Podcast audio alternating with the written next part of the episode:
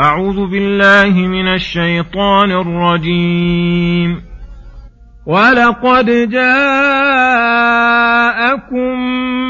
موسى بالبينات ثم اتخذتم العجل من بعده وأنتم ظالمون. وإذ أخذنا ميثاقكم ورفعنا فوقكم الطور خذوا ما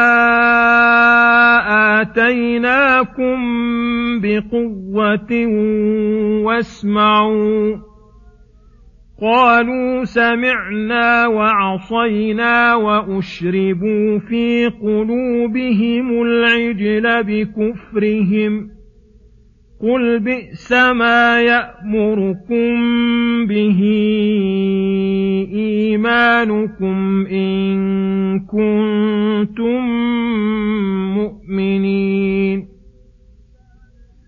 قل إن كانت لكم الدار الآخرة عند الله خالصة من دون الناس فتمنوا الموت فتمنوا الموت إن كنتم صادقين ولن يتمنوه أبدا بما قدمت أيديهم والله عليم بالظالمين ولتجدنهم أحرص الناس على حياة ومن الذين أشركوا يود أحدهم لو يعمر الف سنه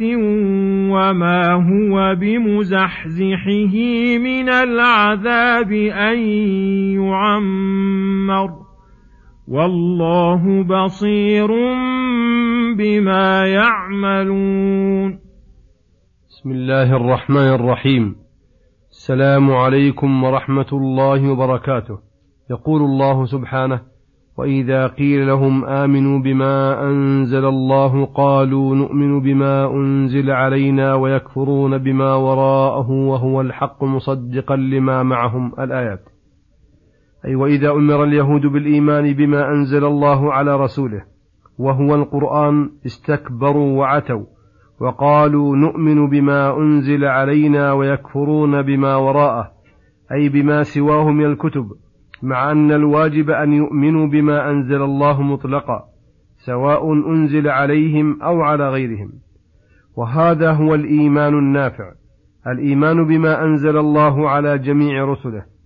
وأما التفريق بين الرسل والكتب وزعم الإيمان ببعضها دون بعض فهذا ليس بإيمان بل هو الكفر بعينه. ولهذا قال تعالى إن الذين يكفرون بالله ورسله ويريدون أن يفرقوا بين الله ورسله ويقولون نؤمن ببعض ونكفر ببعض ويريدون أن يتخذوا بين ذلك سبيلا أولئك هم الكافرون حقا.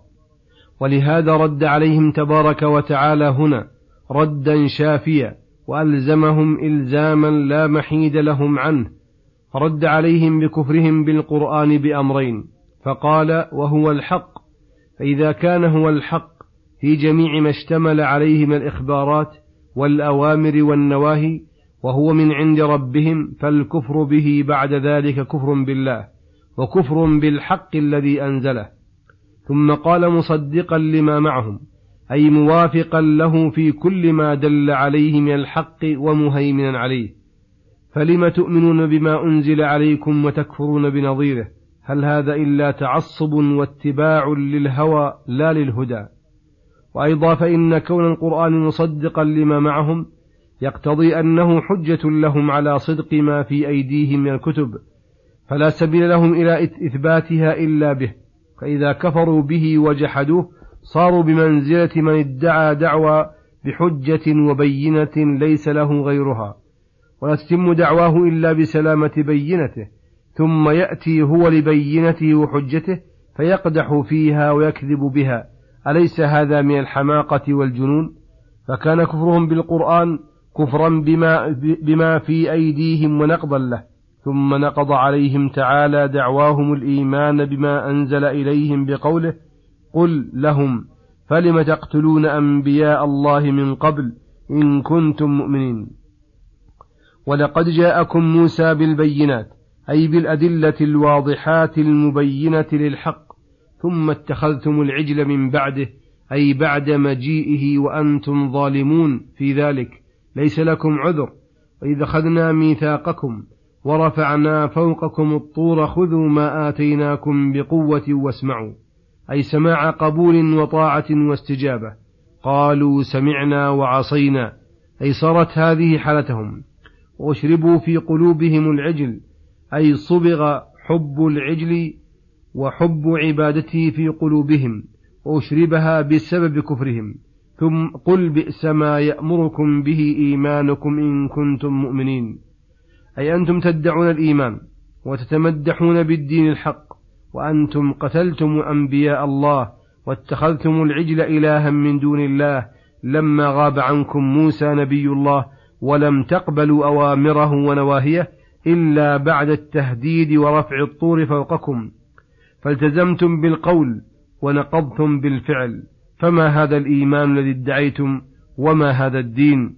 فإن كان هذا إيمانا على زعمكم فبئس الإيمان الداعي صاحبه إلى الطغيان والكفر برسول الله وكثرة العصيان. وقد عهد أن الإيمان الصحيح يأمر صاحبه بكل خير. وينهاه عن كل شر فوضح بهذا كذبهم وتبين تناقضهم.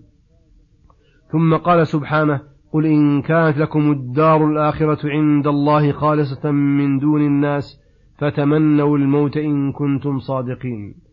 أي قل لهم على وجه تصحيح دعواهم إن كانت لكم الدار الآخرة يعني الجنة خالصة من دون الناس كما زعمتم أنه لن يدخل الجنة إلا من كان هودا أو نصارى وأن النار لن تمسكم إلا أياما معدودة فإن كنتم صادقين في هذه الدعوة فتمنوا الموت.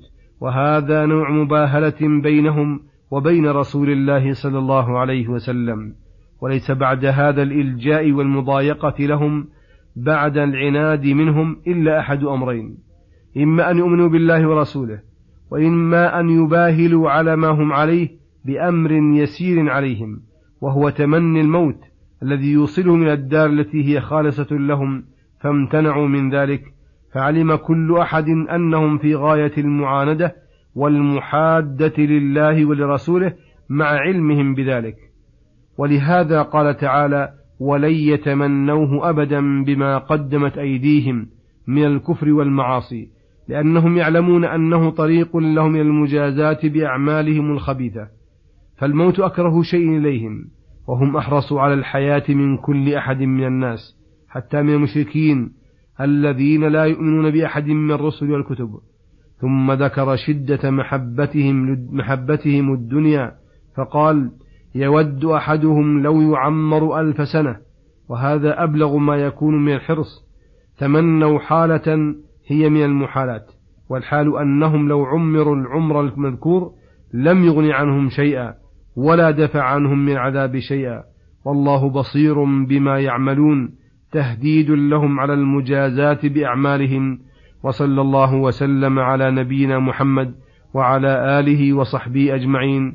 وإلى الحلقة القادمة غدا إن شاء الله. والسلام عليكم ورحمة الله وبركاته.